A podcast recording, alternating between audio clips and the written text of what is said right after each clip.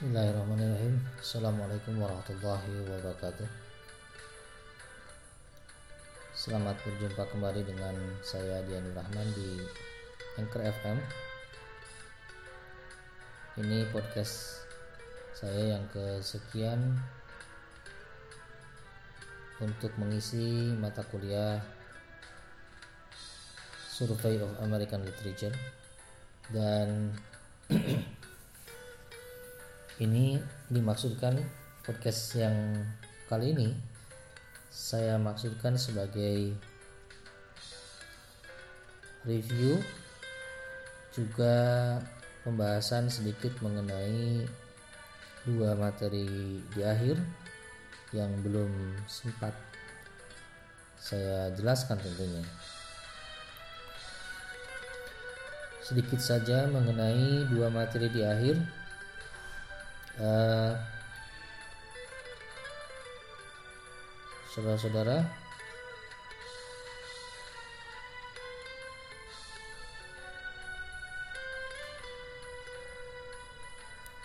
Di materi mengenai American poetry in the late 20th century uh, Anda bisa melihat atau membaca beragam puisi yang disajikan.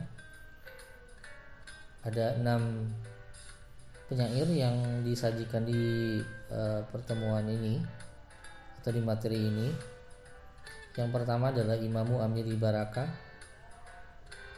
dan yang kedua ada Simon Ortiz. Yang ketiga adalah Sylvia Plath.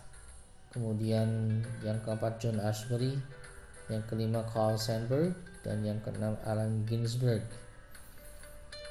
Uh, saudara-saudara, puisi Amerika sejak kemunculan Walt Whitman tentunya uh, saya sudah pernah menjelaskan kalau tidak salah itu mengalami beragam perubahan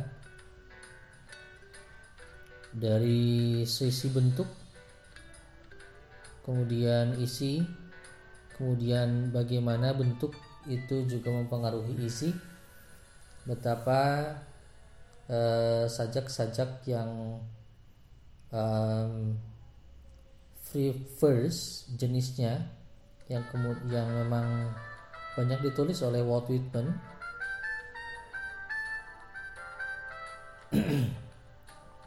Itu mempengaruhi Eh, penulisan-penulisan puisi-puisi selanjutnya. Terlebih ketika masuk di modernism ada beragam bentuk uh, pola uh, puisi Amerika yang yang beragam. Uh, Robert Frost misalnya tetap meng memunculkan sisi uh, kesederhanaan dari berkata-kata. Dan polanya tetap itu menggunakan free verse ya. Uh, kemudian ada I Coming yang mencoba uh, pola puisinya uh, berdasarkan visualisasi kemudian perubahan-perubahan sintaksis yang cukup ekstrim juga. Dan di beberapa puisi kontemporer uh, dari sisi isi tentunya ini sangat sangat uh, memunculkan ragam bentuk pertanyaan ya atau mungkin mempertanyakan. Jadi isi dari puisi-puisi kontemporer kebanyakan itu mempertanyakan questioning questioning the the the the, the condition questioning the uh, situations questioning identity dan sebagainya uh, bisa dilihat misalnya di Amiri Baraka uh, kalau anda membaca beberapa puisinya yang termasuk misalnya di dalamnya ada beragam pertanyaan-pertanyaan Amelie Baraka sebagai seorang penyair terhadap um, sisi Kristianitas yang kemudian ikut diagungkan oleh orang-orang kulit hitam. Padahal bagi Amiri Baraka penggambaran Yesus yang begitu white itu sebetulnya tidak mewakili kulit hitam misalnya. Makanya questioning Christianity parodying Jesus for the white or American people kemudian juga tentunya mengkritisi kapitalisme yang semakin uh, memunculkan signifikansi dari perbedaan atau pertentangan kelas, pertentangan ras bahkan. Seperti itu ya. Kemudian ada Simon Ortiz. Uh, kalau Amiri Baraka itu tentunya black people. Kalau Simon Ortiz adalah Indian atau Native American people. Jadi questioning Native American identity, questioning the historical parts of American policy dan sebagainya itu adalah sisi dari sisi isi dari puisi-puisi yang ditulis di beberapa puisi yang ditulis di uh, di abad 20 ya di pertengahan dan menuju ke akhir. Itu di tahun 50-an sampai menuju ke akhir. Dan uh, saya akan mencoba sedikit uh, lebih fokus ke Allen Ginsberg. Karena ini yang uh, cukup menarik untuk dibahas sebagai bagian dari puisi kontemporer di Amerika Serikat yang terpola atau terpengaruh oleh Walt Whitman. Uh,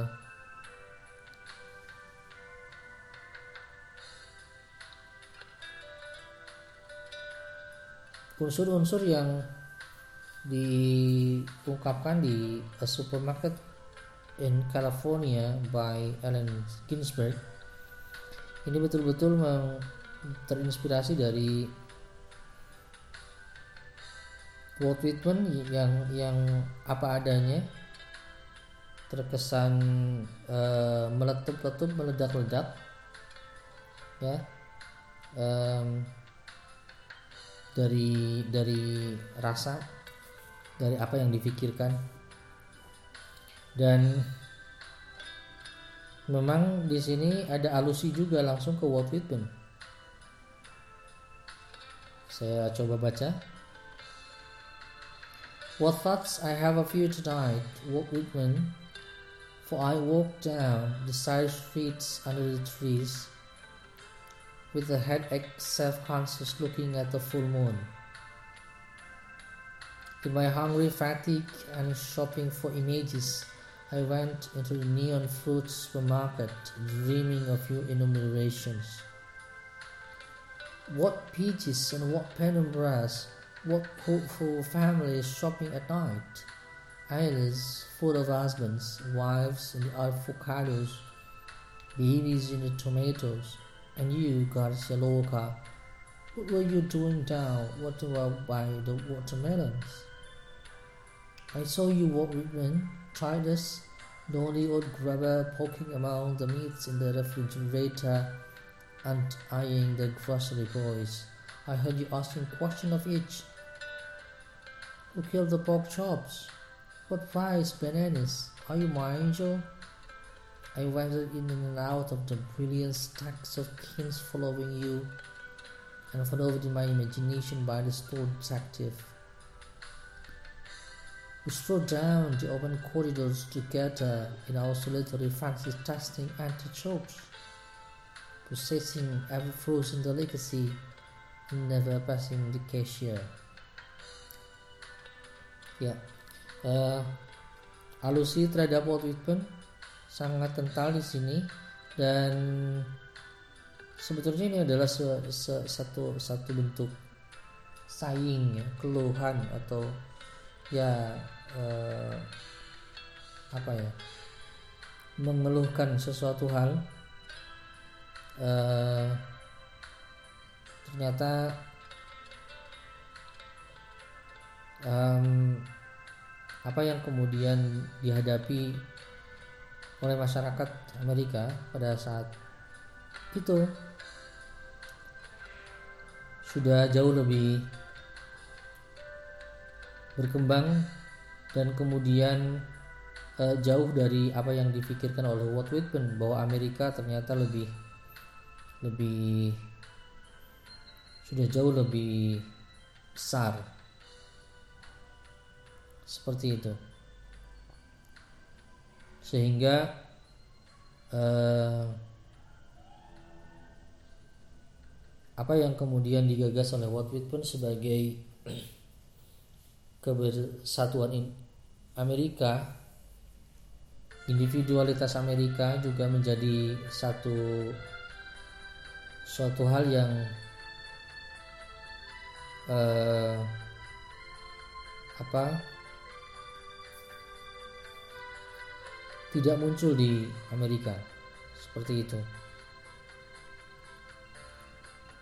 Ya, puisi ini tulis di tahun 1955 di pertengahan abad 20 tentunya. Dan uh, ini sudah sudah sudah berkembang situasi kondisi Amerika Serikat dan tentunya uh, dengan menggambarkan supermarket in California saja sudah sudah bisa terlihat hiruk pikuk dari kehidupan Amerika Serikat bahkan di pertengahan abad 20 tahun 50-an ya saudara-saudara itu untuk uh, puisi contemporary American poetry dan sedikit membahas mengenai postmodernism in, in fiction. Uh, saya ambil salah satu yang paling mudah dikenali saja What We Talk About When We Talk About Love karya Raymond Carver dan ini ditulis tahun 19 dipublikasi ditulis dan dipublikasi tahun 1981 tentunya uh, sudah menuju akhir abad 20 ya dan uh, sudah lebih dari sudah masuk ke penghujung tahun 80-an. Ya, eh, perkembangan di dalam fiksi di Amerika eh, juga mengalami suatu hal yang satu perkembangan genre yang eh, cukup signifikan.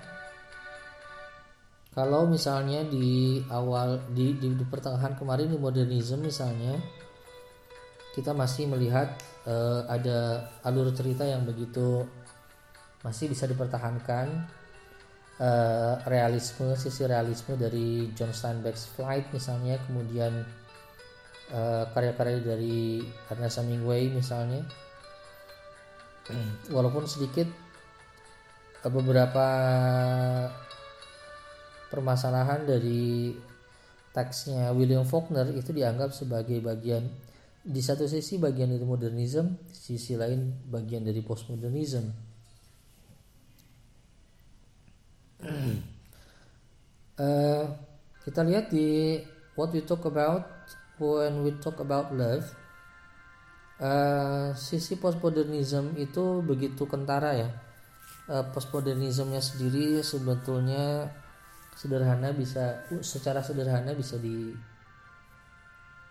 uh, bahas atau bisa diungkap sebagai nilai-nilai uh, yang kemudian tidak ter uh, apa tercover di modernism ingin melebihi modernism tetapi juga terkadang uh, mempertanyakan dan membolak-balikan apa yang kemudian ada di modernism. Nah seperti itu jadinya uh, karya-karya postmodernis biasanya banyak ambiguitas, banyak ambiguitas, uh, tidak tidak terlalu terstruktur atau bahkan tidak terstruktur sama sekali. Persis seperti ketika Anda membaca What We Talk About When We Talk About Love. Dari judulnya sudah bisa ditebak sebetulnya ini tentang tentang cinta. Tentang pem, tentang pembicaraan tentang cinta gitu. Ada beberapa orang teman uh, uh, apa sedang minum-minum gitu kan. Uh, mengelilingi satu meja dan mereka berbicara mengenai banyak hal, terutama terkait dengan cinta. Tetapi isi dari uh, what we talk about when we talk about love sebetulnya nothing karena karena jadinya tidak tidak pernah ada kesimpulan. Begitu pula dengan uh,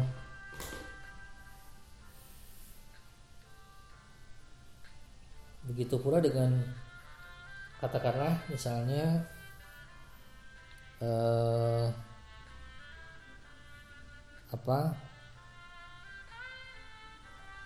Ketika kita ngobrol ngobrol di mana-mana atau ngobrol di ngobrol di satu tempat dengan teman dengan sahabat ngobrol tentang apa pun ke mana-mana akhirnya yang terjadi apa?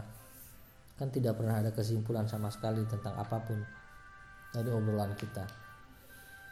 Nah, kurang lebih postmodernism itu seperti itu ya. Kurang lebih postmodernism itu seperti itu. Uh, jadi uh, salah satu inti dari perkembangan karya sastra di Amerika adalah uh, sampai hari ini adalah uh, kita masuk atau beberapa karya di Amerika uh, mempertahankan misalnya sisi postmodernism. Kalau anda yang apa membaca membaca novel Crying of Lot 49 dari karya siapa? Itu novel pendek itu adalah karya postmodernisme juga. Nah seperti itu. Baik jadi saya langsung ke review keseluruhan. Jadi eh, apa yang saya sampaikan di atau apa yang saya ajarkan walaupun dengan segala keterbatasan di masa pandemi ini khususnya di mata kuliah Survey of, Survey of American Literature. Ini bisa dipahami ya walaupun tentunya awal-awalnya dengan segala macam idealisme dari kami dari kita semua eh, tetapi karena berbagai macam kendala akhirnya kita tidak bisa secara idealis me, me, memetakan dan kemudian melaksanakan beragam eh, teknik perkuliahan yang dirasa perlu selama masa pandemi ini, selama masa daring ini. Akhirnya eh, review secara umum bahwa sastra Amerika itu tidak pernah lepas uh, dari akar budaya Native Amerika, tetapi juga uh, dia juga adalah bagian dari atau kepanjangan tangan dari sastra kolonial Inggris. Maka kemudian uh, kita mengenali ada dua macam awal yaitu sastra kolonial dan sastra Native American dan perkembangan perkembangan selanjutnya sampai di hari ini atau sampai di uh, postmodernism in fiction.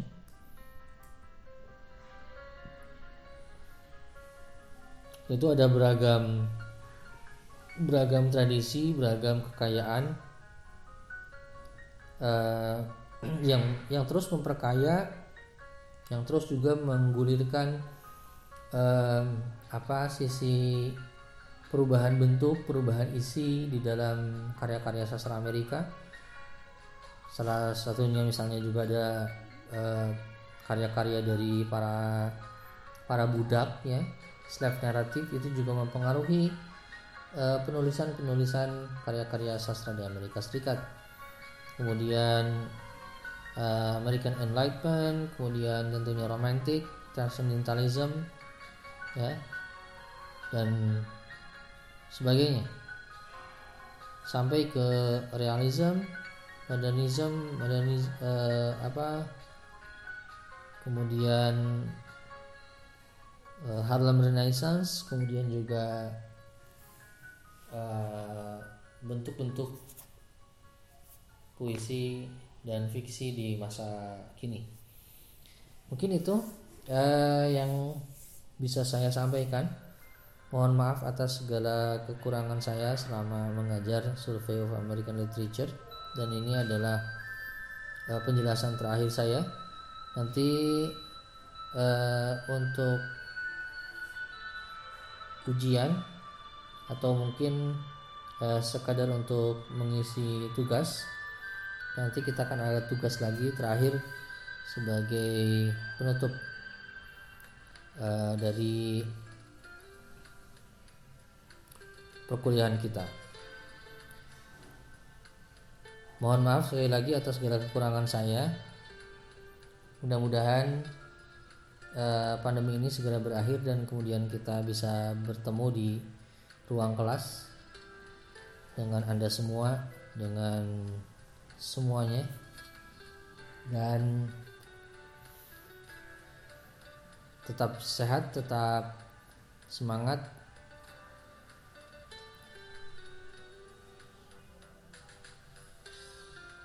dan terakhir